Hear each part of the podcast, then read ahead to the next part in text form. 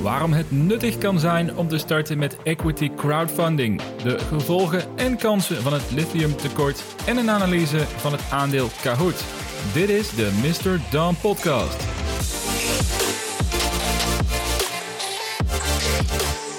Welkom bij alweer de vierde aflevering van dit seizoen. Voor de luisteraars die zijn ingestroomd in het tweede seizoen, mijn naam is Jasper, alias Mr. Don. En in deze podcast staat de spotlight op het investeren in innovatieve groeiaandelen die actief zijn in een snel groeiende sector. Of om het iets tastbaarder uit te drukken, wij gaan op zoek naar de baby Apple en de baby Amazon. Goed, laten we vooruitblikken op deze aflevering. We starten zometeen met het thema equity crowdfunding en waarom ik denk dat het voor de meeste beleggers interessant is om hier een blik op te werpen. Door equity crowdfunding kun jij als particulier namelijk investeren in bedrijven die nog in een start-up of een scale-up fase zitten, met de hoop dat zij hard genoeg blijven groeien om dan wel overgenomen te worden door een grote speler, of misschien zelfs ooit wel zelf een beursgang te mogen maken. En op dit moment is de grootste equity crowdfunding campagne tot op heden in Nederland aan de gang, namelijk vanuit Brouwerij Frontaal, en daar gaan we het zeker over hebben. Daarnaast heb ik een vraag gekregen van luisteraar Kadirski via Twitter met de vraag hoe het tekort aan grondstoffen zoals lithium impact kan gaan hebben op bedrijven in de technologische sector. Lithium is een veelgebruikte grondstof voor met name accu's in mobiele telefoons, laptops en elektrische auto's. En laat dat juist producten zijn waar we wereldwijd een forse toename in vraag naar gaan zien. Na de break gaan we van start met de wekelijkse aandeelanalyse. En voor deze week staat een aandeel centraal die wat mij betreft het voorbeeld is van een type bedrijf die ik voor deze podcast wil analyseren. Dit bedrijf zal onbekend zijn voor de meeste beleggers, maar het zit in een sterke groeimodus en het is actief in een snel groeiend domein. Het heeft een waardering van minder dan 4 miljard dollar en het is niet beursgenoteerd in Amerika of in Nederland, maar aan de beurs in Oslo. En je hebt het waarschijnlijk al gezien in de titel van deze aflevering. We gaan het hebben over het Noorse game-based learning en quiz platform Kahoot. Maar voordat we echt van start gaan, de gebruikelijke disclaimer. Dit is geen financieel advies. Doe altijd je eigen onderzoek en beleg alleen met geld dat je voor een langere tijd kunt missen. En vind je dit een toffe podcastserie en luister je via Apple Music, dan doe je mij een groot plezier als je deze show een waardering wilt geven. Om te starten met het eerste onderwerp. Jarenlang was het lastig dan wel praktisch onmogelijk om als gemiddelde particulier te beleggen in bedrijven die nog niet beursgenoteerd waren. Als je wilde investeren in Amerikaanse bedrijven, dan moest je een zogeheten accredited investor zijn. En je wordt een accredited investor als je minimaal 200.000 dollar per jaar verdient, of 300.000 dollar samen met je partner, of een netto waarde hebt van minimaal 1 miljoen dollar. Ja, dat is zeker niet voor iedereen weggelegd. En omdat er in de westerse landen zo sterk naar de start-up cultuur van Amerika gekeken wordt, en beleven de mogelijkheden in bijvoorbeeld Nederland ook achter, terwijl er niet zo'n soort wetgeving hier geldt. Maar in juni 2015 kwam hier verandering in door het aannemen van een nieuwe wetgeving in Amerika, waarmee equity crowdfunding toegankelijk is geworden buiten die strakke kaders om. Daardoor kan je investeren in bedrijven die nog niet beursgenoteerd zijn, mits je dat doet via een crowdfunding platform die daarvoor gelicenseerd is. En nu zijn er talrijke platforms waar jij al voor een paar tientjes aandeelhouder kan worden van een start-up. Kan je bijvoorbeeld denken aan seedinvest.com, republic.io en mijn persoonlijke favoriet Seeders.com. Maar allereerst wil ik drie redenen met je delen waarom ik denk dat equity crowdfunding voor beleggers in groeiaandelen een nuttige investering kan zijn. De eerste reden is dat investeren in startups een van de meest riskante investeringen is die je kan doen.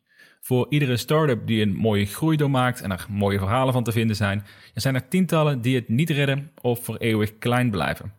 Dat betekent dat het nog belangrijker is om goed te worden in due diligence. Want als je aandelen koopt op de beurs, dan kan je de dag erna besluiten om je geld weer eruit te halen. Mocht je toch vinden dat je een verkeerde beslissing gemaakt hebt. En bij startups is dat niet het geval. Als je hebt geïnvesteerd, dan zit je geld vast, vaak totdat het bedrijf wordt overgenomen of een beursgang maakt. En bij sommige platforms is een marketplace ingebouwd, waardoor je je aandelen toch kan verkopen aan anderen. Ja, dat is zeker niet altijd het geval. Dus besef dat de investering die je doet, dat dat definitief is. En juist dat kenmerk, dat gaat je helpen om due diligence en onderzoek serieus te nemen. En je wordt er ook steeds beter in. Dus dit gaat je ook helpen bij het kopen van aandelen op de beurs. Dus dat is de eerste reden. De tweede reden is dat het helpt om je geduld te bewaren. Je hebt een waardering van het bedrijf, maar die is afhankelijk van de laatste funding round. Maar je hebt geen koers die je iedere dag vertelt wat anderen willen betalen voor je aandelen. Dus daardoor kan je enerzijds niet verleid worden om vroeg je winst over je verlies te pakken. Maar nog belangrijker is dat je meer gaat letten op de successen van het bedrijf zelf in plaats van op de koers. Ik heb een aantal equity crowdfunding investeringen gedaan en ook al één serieuze angel investment. Ja, en ik vind het heerlijk om iedere maand of kwartaal een update te krijgen over hoe het gaat. En dit traint mij ook om mijn aandelenportfolio op die manier te benaderen. Dan kijk ik bijvoorbeeld naar de ontwikkelingen die een Canoe of een Desktop Metal heeft gemaakt of een willekeurig ander bedrijf in mijn portfolio. En dan hoef ik enkel naar de koers te kijken met de vraag of het nu een mooie kans is om meer aandelen te kopen. Want fundamenteel heb ik al gezien dat alles volgens plan verloopt en er is geen reden om te verkopen ongeacht wat de koers doet. En andersom geldt dit natuurlijk ook dat een koers enorm kan stijgen terwijl het bedrijf fundamenteel minder wordt. Ja, dan helpt deze denkwijze jou ook om vroegtijdig je positie te durven verkopen. Dus dat is de tweede reden. En als laatste punt, het is vooral ook ontzettend leuk als je geïnteresseerd bent in startups en in nieuwe innovaties en producten. Er zitten bedrijven bij die een unieke oplossing hebben gevonden voor een probleem die groeiende is, maar wat niet de schaal heeft dat beursgenoteerde bedrijven ermee bezig zijn of dat je er echt lekker in kan investeren. Zelf doe ik ongeveer 4 à 5 investeringen per jaar van een paar honderd euro per keer, dus kleinschalig. Zo heb ik bijvoorbeeld geïnvesteerd in het Engelse bedrijf We Build Bots, die een intelligente chatbot en voicebot aan het ontwikkelen zijn. En ook in het Zwitserse bedrijf genaamd Guest Ready, die voor huiseigenaren alles uit handen nemen om hun woning te kunnen verhuren, met inmiddels 60 miljoen euro aan jaarlijkse boekingen. En dat zijn bedrijven en verhalen waar ik ontzettend graag een onderdeel van wil zijn, en die mij ook weer inzichten geven die me helpen met mijn aandelenportfolio. Dat zijn drie redenen waarom ik equity crowdfunding serieus zou overwegen als je van plan bent om voor de langere termijn bezig te zijn met investeren. Want naast dat het leuk is en dat je ook geld kan opleveren als je net die paar succesvolle bedrijven te pakken hebt, en het is ontzettend leerzaam, ook als je voornamelijk in beursgenoteerde bedrijven wilt blijven investeren. En wat als jij nou een ontzettende fan bent van het bier van brouwerij Frontaal uit Breda, zoals de Bulldog IPA en de Juice Punch? Dan heb je geluk, want zij zijn namelijk de grootste equity crowdfunding tot op heden in Nederland gestart. En het toffe van hun verhaal is dat zij in 2015 hun eerste stappen hebben kunnen zetten dankzij een crowdfunding actie. En dat zijn ze ook blijven doen. In 2018 hadden ze een grote productiebrouwerij nodig, waardoor ze hun tweede crowdfunding campagne hebben opgestart, waarmee ze 800.000 euro hebben opgehaald via een aandelenparticipatie. En in 2019 volgde er een nieuwe ronde en nu is er weer tijd voor de vierde crowdfunding ronde van Brouwerij Frontaal, waar iedereen deel aan kan nemen. En wat dit verhaal voor mij zo aansprekend maakt, is dat een brouwerij het grotendeels moet hebben van een trouwe groep afnemers, die ook vrienden wil overtuigen om eens een biertje te proberen.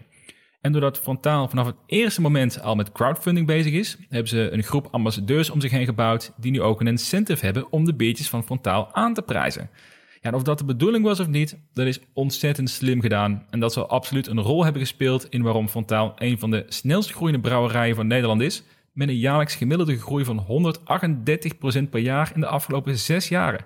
Ja, met deze nieuwe ronde hopen ze 2,5 miljoen tot 5 miljoen euro op te halen voor met name het uitbreiden van de brouwerij. Daarnaast heeft Brouwerij Frontaal ook echt door hoe je equity crowdfunding campagnes maximaal benut. Zo hebben ze een beloningssysteem aangekoppeld waar je leuke beloningen krijgt op basis van je investering. En als klap op de vuurpijl keren ze jaarlijks een dividend uit van minimaal 4%. Persoonlijk zie ik bij dit soort bedrijven liever dat zij geen dividend uitkeren en alles herinvesteren in het bedrijf, zeker om een groeifase te stimuleren. Maar dit kan voor sommige beleggers wel een goede reden zijn om juist wel te investeren. En dat zie je ook aan de interesse tot dusver. Tot en met afgelopen zaterdag konden alleen degenen die vooraf hadden ingeschreven alvast investeren. Ja, de eerste miljoen euro, die staat reeds op de teller. Dus heel knap en tof gedaan door de brouwerij Frontaal. Ja, dat misschien een case study kan gaan worden voor equity crowdfunding in Nederland. En als dit verhaal jou aanspreekt, dan zou ik je zeker aanraden om te gaan naar de website van Brouwerij Frontaal, waar je meer kan lezen over deze investeringsronde en ook de prospectus kan doornemen. Want daar wil ik toch één opmerking bij plaatsen. Linksom of rechtsom, het gaat hier wel om een investering, net als ieder ander. En daarmee bedoel ik dat je ook hier goed moet kijken naar de waardering van het bedrijf, de verwachte groei, de financiële gezondheid enzovoort, om te bepalen of dit objectief gezien een goede investering is. Zo zie je bijvoorbeeld dat zij werken met een waardering van 35 miljoen euro, maar dat is pre-money. Oftewel, de 2,5 tot 5 miljoen euro die zij gaan ophalen, komt bovenop die waardering. Dus dan wordt het eerder richting de 40 miljoen euro waardering. En dat is circa 13 keer de verwachte omzet van 2021 en bijna 100 keer de EBITDA. En we hebben hier te maken met een brouwerij met een bruto winstmarge van circa 12%. We hebben het niet over een techbedrijf met bizarre marges. Ja, dus je betaalt wel echt een premium. Maar goed, als je hen wil steunen en je vindt het verhaal tof, en dat kan natuurlijk ook al genoeg reden zijn om te investeren in Brouwerij Frontaal, ja, dan vind je dat misschien minder relevant. Maar als je dit ziet als een investering, ja, dan zijn het wel zaken waar je serieus naar wilt kijken. En dan wil je niet jezelf verliezen in het toffe verhaal wat ze absoluut hebben. Al met al zitten er genoeg positieve aspecten aan equity crowdfunding. Voor beleggers die voornamelijk in veilige aandelen of in een indexfonds investeren, ja, zal dit misschien een stapje te ver zijn. Maar diegene die dit verhaal aanspreekt en ook betrokken willen zijn bij bedrijven vanaf echt hun beginfase, hè, op weg naar een eventuele overname of misschien zelfs een beursgang, ja, dan is het zeker interessant om te overwegen als een klein onderdeel van je portfolio. En linksom of rechtsom, ook al ga je er misschien weinig mee verdienen, of misschien wel heel veel, het is ook vooral heel leerzaam en heel leuk om hiermee bezig te zijn. Tot zover het deel over equity crowdfunding en het verhaal van Brouwerij Frontaal. Graag wil ik stilstaan bij de vraag van de luisteraar Kadeerski via Twitter, die zich afvroeg welke impact het tekort aan grondstoffen zoals lithium gaat hebben op technologiebedrijven. En zoals ik in de introductie al zei, lithium wordt onder meer gebruikt in glas en keramiek, maar nog belangrijker in het maken van moderne accu's en batterijen. De lithium-ion batterij wordt veel gebruikt in elektronica en vooral in elektrische auto's door de hoge energiedichtheid en de lange levensduur.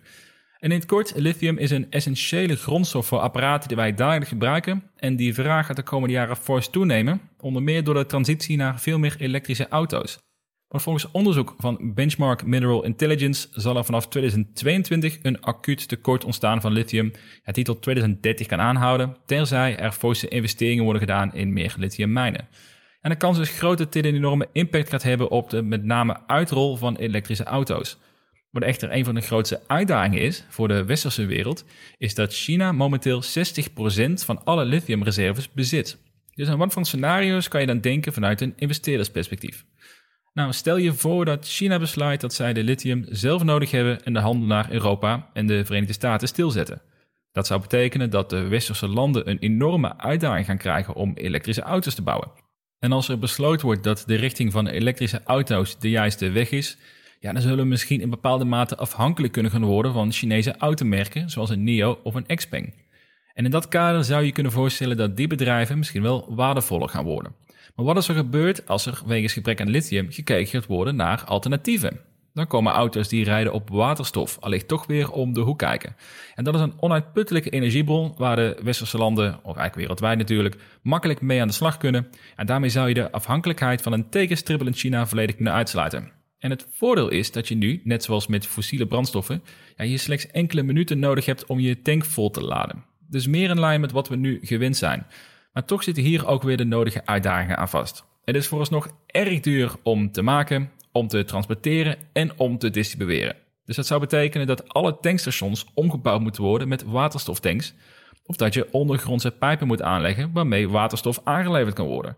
En ik heb hier een tijdje geleden een gesprek bij het hoofdkantoor van Shell over gehad. En daar zijn mijn gesprekspartner dat het simpelweg niet schaalbaar te maken is. Dus we hebben een alternatief in theorie, maar het is wel duidelijk dat elektrische auto's de voorkeur heeft. Er wordt door veel bedrijven hard gewerkt aan een nieuwe generatie batterijen. Het is mogelijk dat er een nieuwe batterij gemaakt gaat worden die niet bestaat uit lithium. Maar goed, hoe lang dat gaat duren en of dat ooit gaat gebeuren, ja, dat is wel een terechte vervolgvraag. Het meest aannemelijke scenario is dat er in de komende jaren fors geïnvesteerd gaat worden in lithiummijnen. Er heerst nu schaarste, maar dat komt vooral door de enorm toegenomen vraag, terwijl het aanbod niet is bijgebleven. Lithium is namelijk geen zeldzaam materiaal. Want volgens wetenschappers is het reeds ontdekt hoeveelheid lithium genoeg om 3 miljard elektrische auto's te maken, totdat we in het jaar 2100 de voorraad op hebben. En als vergelijk, wereldwijd zijn er geschat zo'n anderhalf miljard auto's momenteel beschikbaar. Ja, en ruim voordat het zover is, is er absoluut al een alternatieve manier gevonden om energie te bewaren. Dus als conclusie op de vraag van Kadiski, hoe wil je hier nu in investeren? Ik zou zeggen, investeer in lithium mining bedrijven zoals Albemarle, SQM of Livent. En ik heb geen onderzoek gedaan naar welke aandelen het meest aantrekkelijk zijn, maar via Google kom je al snel op een lijst van dit soort bedrijven uit waar je in kan investeren als je wilt inzetten op de toenemende vraag naar lithium. Ik hoop dat hiermee jouw vraag beantwoord is, Kadiski. Wil jij zelf een vraag stellen om te bespreken in een aflevering? Stuur dan een mail naar don.mrdon.nl en zet erbij dat het voor de podcast is of stuur mij een bericht via Twitter of Instagram via accountnaam MrDonNL. We gaan eruit voor een korte break. Even bijkomen van het eerste deel en dan kom ik zo bij je terug met de aandeelanalyse van de Game-Based Learning and Quiz Tool Kahoot. Tot zo!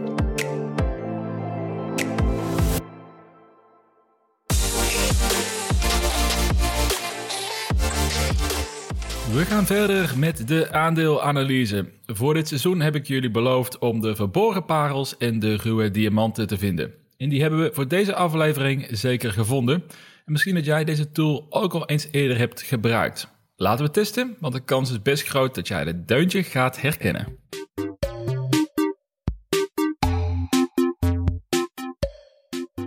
Nou, was het een herkenbaar deuntje voor je? Want sinds de uitbraak van de pandemie heb ik verschillende tools en software getest om de ervaring op afstand net zo leuk te maken als in het echt. En als iedereen op zaterdagavond thuis zit en de kroegen zijn gesloten, ja, dan ga je toch andere manieren vinden om een gezellige tijd met je vrienden te hebben. En een van de oplossingen in mijn vriendengroep was een wekelijkse quizavond. De winnaar van de week zette de quiz voor de week erna in elkaar. Je neemt een biertje erbij en je hebt gezelligheid gegarandeerd. En de tool die wij daarvoor gebruikten is genaamd Kahoot. En omdat het zo ontzettend goed werkt, was ik ook benieuwd hoe ik erin kon investeren. En aan mijn eigen verrassing bleek Kahoot beursgenoteerd te zijn in Noorwegen aan de beurs van Oslo. En tot dusver heb ik niemand op Twitter of elders horen praten over het aandeel Kahoot. Dus als je op zoek bent naar echt een verborgen parel, ja, dan is dit een aflevering voor jou. Want in deze analyse ga ik vertellen wat Kahoot doet, hoe een omzet en de groei eruit ziet en werpen we een blik op de huidige waardering. Zoals gebruikelijk sluiten we af met een bear en bullish case en een eindconclusie. En natuurlijk de vraag voor deze aflevering: kan Kahoot in hetzelfde rijtje komen te staan als PubMatic, namelijk als een gouden aandeel van dit tweede seizoen? En daar kom je achter aan het einde van deze aflevering. Want laten we beginnen met een introductie van het bedrijf. Wat is Kahoot en wat doen zij nou eigenlijk? Kahoot is in essentie een online platform waar je eenvoudig een quiz in elkaar kunt zetten. Maar in tegenstelling tot veel andere quiztools is dit ontzettend dynamisch en interactief. En krijg je echt het gevoel alsof je een spel aan het spelen bent. En die combinatie van gamification en gemak maakt dat Kahoot naar mijn mening de beste quiztool op de markt is. En de kracht van Kahoot is dat het speels oogt, maar niet te kinderachtig. En dat iedereen heel makkelijk een quiz kan maken of als deelnemer toegevoegd kan worden aan een quiz. En als je een quiz maakt, dan krijg je een individuele code van zes getallen en cijfers. En als deelnemer kan je via de browser op je mobiele telefoon naar kahoot.it. Je vult daar de code in en je bent direct onderdeel van het spel. Dus uit mijn ervaring blijkt dat praktisch iedereen binnen één minuut in de quiz zit, van jong tot oud. Dus het is vooral ontzettend intuïtief om eraan deel te nemen. Maar Kahoot is veel meer dan enkel een simpele quiztool voor vrienden. Hun missie is om marktleider te worden als een e-learning platform. Want de quiz is vermakelijk, maar het is ook vooral een uitstekende tool om mee te kunnen leren. Ze hebben daarom hun propositie opgedeeld in vier categorieën: Kahoot at Home, Kahoot at School, Kahoot at Work en de Kahoot Academy. En we gaan er even alle vier doorheen, want dan krijg je een goed beeld bij wat Kahoot daadwerkelijk doet en hoe hun producten in elkaar zitten. Om te beginnen met Kahoot at Home. Daarmee bieden zij ouders de gelegenheid om spelenderwijs hun kinderen te laten leren. Zo hebben ze het platform Dragonbox gekocht voor het leren rekenen en de platforms Poyo en Drops voor het leren lezen. En ook de Kahoot Quiz Tool wordt gebruikt om kinderen een uitdagende test te bieden. Er zijn inmiddels meer dan 10 miljoen gebruikers die Kahoot at Home gebruiken, dus dat geeft al aan dat ouders er ontzettend fan van zijn en die groep die groeit ook ontzettend. Kahoot at School is een logisch vervolg daarop. Dat is meer gericht op leraren en studenten. Vooral in de tijd van studie op afstand blijkt Kahoot een belangrijke rol te hebben in het dynamisch maken van de lessen. Je kunt je voorstellen dat je als student sowieso al een beperkte aandachtspannen hebt. Laat staan als je iedere les thuis achter de monitor moet volgen. Inmiddels hebben meer dan 10.000 opleidingsinstellingen een abonnement van Kahoot at School. En dit is een onderdeel die het bedrijf flink gaat doorontwikkelen. In de herfst komt er een nieuwe update waarmee je een complete klassenrooster kan importeren en ook een complete les kan opbouwen in Kahoot. En dit biedt dus ook voor leraren een kans om direct een overhoring of een proefwerk af te nemen, ja, wat meteen digitaal wordt opgeslagen en goedgekeurd. Ja, dat scheelt ook voor de leraren weer ontzettend veel werk, dus zeker interessante ontwikkelingen op dat gebied. Het derde product is Kahoot at Work. Naar eigen zeggen 97% van alle Fortune 500 bedrijven die gebruiken Kahoot op de werkvloer met verschillende uitgangspunten. Het is een interactieve manier om training te geven, maar het is ook een onderscheidende manier om een presentatie te geven. Persoonlijk heb ik Kahoot over de afgelopen jaren ook vaak gebruikt in een professionele omgeving om gedurende de presentatie bijvoorbeeld een quiz te houden. Dat doorbreekt de sleur en het geeft je als presentator weer interessante inzichten waar je in je verhaal rekening mee kan houden. En omdat het zo eenvoudig is om eraan deel te nemen met je eigen mobieltje, voelt het ook als een vloeiend onderdeel in je verhaal. Het uitgangspunt van Kahoot is dat zij niet de presentator centraal willen zetten bij de sessie, maar eigenlijk iedereen deelgenoot willen maken van zo'n presentatie. En dat lukt ze vrij goed, want ik heb nog niet eerder meegemaakt dat ik een Kahoot quiz startte bij klanten en dat er mensen waren die er niet aan mee wilden doen. En dat is best bijzonder dat Kahoot dat voor elkaar heeft gekregen. In deze categorie heeft Kahoot onlangs ook een nieuw product gelanceerd, genaamd Kahoot 360 Spirit. En hiermee kan je als werknemer of als team besluiten om bepaalde kennis te delen met je collega's. Bijvoorbeeld als je nieuwe collega's op een fijne manier wilt laten leren hoe je als bedrijf bepaalde dingen doet. Dus ook ideaal voor het inwerkproces. Maar ook voor het werken aan je bedrijfscultuur en teamspirit, daar is dit ontzettend nuttig voor. Ik kan mij voorstellen dat dit een speelse toevoeging is aan een standaard inwerkschema voor nieuwe collega's of junior collega's, die we nu sowieso minder op kantoor zien. Dus hier ook hier een leuke toevoeging. En het vierde en het laatste product is de Kahoot Academy. En dit is een grote interactieve bibliotheek aan kennis, waaronder meer bedrijven zoals Disney en National Geographic, maar bijvoorbeeld ook een Oxford en de University of Cambridge content wil aanleveren. Ze hebben hiervoor slim een integratie gemaakt met bijvoorbeeld Apple Schoolwork, Microsoft Teams en PowerPoint en ook Google Classroom, waardoor deze tools gebruikt kunnen worden in de standaard software die we gebruiken. En dat is een slimme zet geweest. Vooral omdat bij grotere bedrijven en bij corporates met standaard met bepaalde software wordt gewerkt, waarbij Kahoot hoogstwaarschijnlijk niet op die lijst staat. En nu is het alsnog te gebruiken door die integratie in de grotere bekende softwaresystemen. De Kahoot Academy is dus meer een kennisportaal, waar je alles kunt leren op een interactieve manier, van wiskunde tot wetenschap. En ik kan me voorstellen dat deze vorm van kennis delen met gamification en interactiever dan de standaardcursus ja, veel populairder gaat worden in de komende jaren. Dus in het kort, Kahoot is bezig om één compleet ecosysteem te bouwen rondom e-learning. Voor kinderen thuis die beter willen worden in hun taal om rekenen, ja, tot professionals in Fortune 500 bedrijven die presentaties geven of hun eigen kennis willen bijspijkeren. Kahoot is naar mijn idee echt volledig uniek in deze aanpak. Je hebt concurrenten op het gebied van e-learning, zoals een Coursera, maar ja, dat zijn echt meer volwaardige cursussen die je daar kunt volgen. Ja, dat is echt meer zwaar inhoudelijk of een 2U, die lessen op universiteiten volledig vanuit huis mogelijk maken. Dat zijn twee beursgenoteerde bedrijven die enigszins in die categorie vallen, maar eigenlijk ook weer niet. Dus dat betekent dat we hier te maken hebben met een vrij uniek bedrijf op de beurs, die een tool ontwikkeld heeft die ontzettend makkelijk in gebruik is, waar wereldwijd bijna 1 miljoen betaalde gebruikers voor zijn. En dat ook voor een hele brede groep aan gebruikers relevant kan zijn. En als we dan kijken naar de markt waarin Kahoot actief is, zien we dat het e-learning domein een verwachte jaarlijkse samengestelde groei kent van 14,6% tot 2026, waarmee een markt wordt van 374 miljard dollar, al dus het onderzoeksbureau Fact and Factors. En dan mag je beschouwen als een snel groeiende markt, waar Kahoot in mijn ogen dus ook nog eens een onderscheidende rol in heeft. Het is daarom belangrijk dat Kahoot de rol van marktleider nog steviger naar zich toe gaat trekken. Dat kan met organische groei, maar het gaat natuurlijk nog sneller als je complementaire bedrijven overneemt die weer je totale aanbod versterken. Ja, dat is een strategie die het managementteam ook graag lijkt te voeren. In 2019 namen ze Poyo en Dragonbox over. En de afgelopen 12 maanden zijn daar vijf acquisities bijgekomen, met de meest recente overname van Clever. En dat is het meest gebruikte digital learning platform voor peuters in de Verenigde Staten. En ook hebben ze onlangs hun eerste Aziatische taal toegevoegd met Japans aan de apps. En dit gaan ze dit kwartaal ook doen met Arabisch en het versimpeld Chinees. En dit toont aan dat Kahoot agressief hun markt aan het verbreden is en ook vooral globaal georiënteerd is. Dus het managementteam is fors aan het investeren in de groei van het bedrijf. Dus laten we nog even een blik werpen op dat team. Het bedrijf is opgericht in 2012 door drie vrienden aan de Universiteit van Noorwegen. Later is daar Asmund Forreset bijgekomen, die momenteel de CEO is. En van de oorspronkelijke drie founders is er nog één actief bijbedrijf, namelijk Morten Versvik als CTO.